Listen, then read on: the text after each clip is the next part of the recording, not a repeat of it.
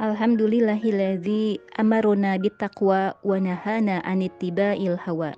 Asyhadu an la ilaha illallah wa asyhadu anna Muhammadan abduhu wa rasuluh.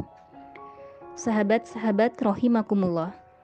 Rasulullah Shallallahu alaihi wasallam pernah bersabda, "Khairukum khairukum li ahlihi wa ana khairukum li ahli." Sebaik-baik kalian adalah yang paling baik kepada keluarganya dan aku adalah orang yang paling baik pada keluargaku. Riwayat Tirmizi, Ibnu Majah, Ibn Adarimi, Ibnu Hibban. Rasulullah orang yang paling santun dalam memperlakukan keluarga, sahabat, orang-orang asing, bahkan musuh-musuhnya sekalipun. Dan beliau adalah orang yang paling baik dalam memperlakukan keluarganya.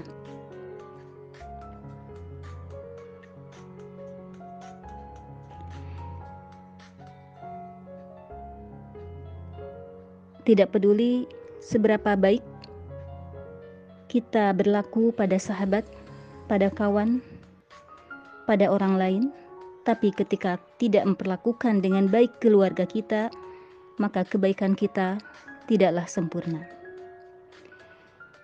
Dalam hadis lain, Rasulullah pun berujar, Sesungguhnya amal yang paling disukai Allah Subhanahu wa taala setelah melaksanakan berbagai hal yang wajib adalah menggembirakan muslim yang lain. Dan keluarga yang paling berhak, yang paling harus pertama didahulukan untuk digembirakan dan disenangkan hatinya. Sahabat-sahabat rohimakumullah berlaku baik pada saat berinteraksi dengan siapa pun, laki-laki ataupun perempuan, terlebih keluarga adalah sebuah kemestian. Berhati-hatilah untuk tidak melukai perasaan siapa pun dan tidak perlu menyalahkan perempuan jika perasaannya begitu halus sehingga mungkin mudah terlukai, mudah tersakiti, mudah tersinggung. Dan jangan pula berlindung di balik rasio laki-laki pada saat mungkin tanpa sadar mudah saja mereka melukai perasaan perempuan.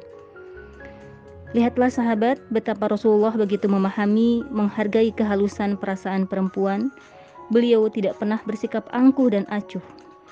Betapa bijaknya beliau memperlakukan perempuan, kepekaannya menangkap kecemasan di hati perempuan, sensitivitasnya memahami ketakutan maupun kebahagiaan yang tengah bergulir di gelora rasa perempuan, menjadikan Rasulullah begitu sabar dan hikmah ketika menghadapi mereka. Beliau begitu santun dan bijak ketika berinteraksi dan berkomunikasi dengan istri-istrinya.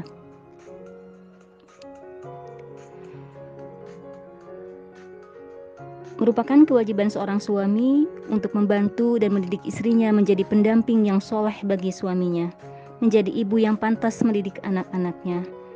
Juga keharusan bagi suami menjadi pengingat ketika istrinya hilap, menjadi motivator ketika istrinya patah semangat, menjadi kawan dan sahabat yang akan senantiasa menguatkan langkah-langkah perjuangan istrinya. Jika ada ungkapan di balik kesuksesan, seorang suami terdapat andil besar seorang istri,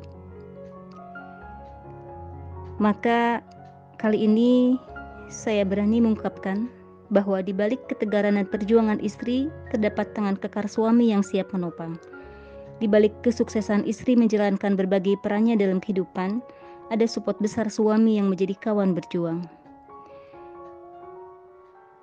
Namun sahabat, seiring berjalannya waktu, Semakin bertambahnya usia pernikahan, bukan tidak mungkin geliat rumah tangga kehilangan ruhnya. Romansa kehidupan rumah tangga menjadi kurang warna. Kejemuan dan kejenuhan mulai menghinggapi rasa setiap anggota keluarga. Padahal, roda perjuangan dalam kehidupan rumah tangga harus terus berputar sampai batas akhir bermuara, yaitu satu yang dituju.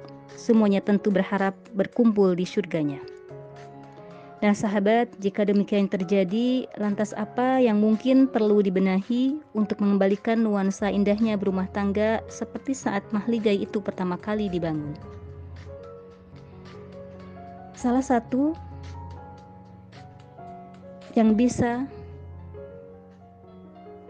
dibenahi adalah pada aspek komunikasi.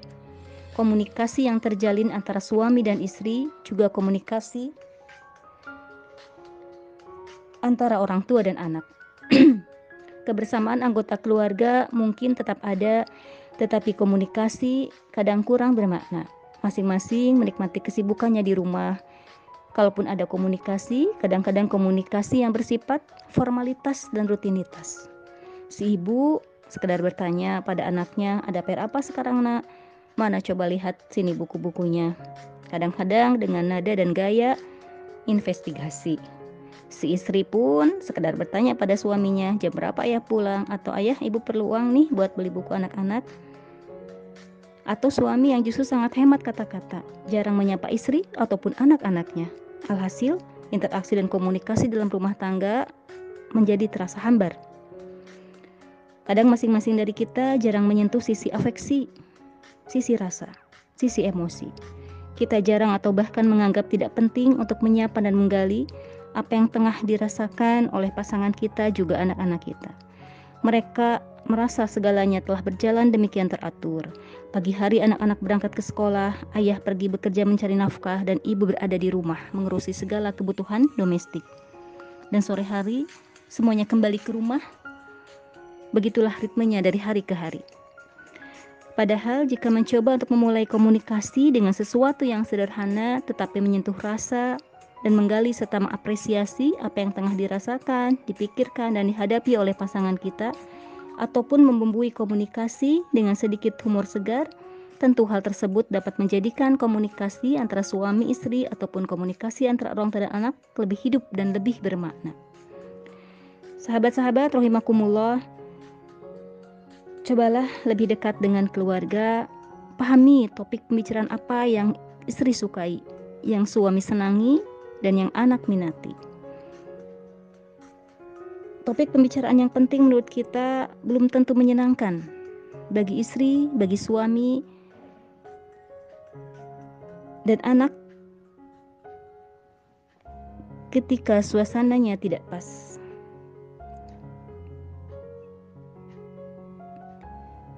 coba lebih berikan apresiasi, perhatian terhadap pembicaraan-pembicaraan yang pasangan kita senangi, yang anak-anak kita gemari. Ketika itu, komunikasi akan terasa lebih hidup, dan kedekatan akan semakin kuat. Sahabat-sahabat, sepertinya hal tersebut sepele, tetapi di dalam rumah tangga, sesuatu yang remeh sekalipun akan berikan kebermaknaan. Bahkan bukan tidak mungkin beban berat yang dirasakan seorang istri dan seorang ibu dalam menjalankan amanah perannya masing-masing akan berkurang hanya dengan sapaan-sapaan hangat yang terontar dari lisan suami ataupun celotehan dan obrolan ringan. Khairukum khairukum li ahlihi wa ana khairukum li ahli. Sebaik-baik kalian adalah yang paling baik kepada keluarganya dan aku adalah orang yang paling baik pada keluargaku menggembirakan, menyenangkan hati istri, hati suami, hati anak-anak adalah kebaikan yang berhak keluarga kita lebih dapatkan daripada orang lain. Jadi sahabat, mari kita perindah komunikasi dengan pasangan, komunikasi dengan anak-anak agar mampu menjadi penguat cinta dan menjadi charger yang menyalakan terus pelita perjuangan dalam rumah tangga, dalam keluarga.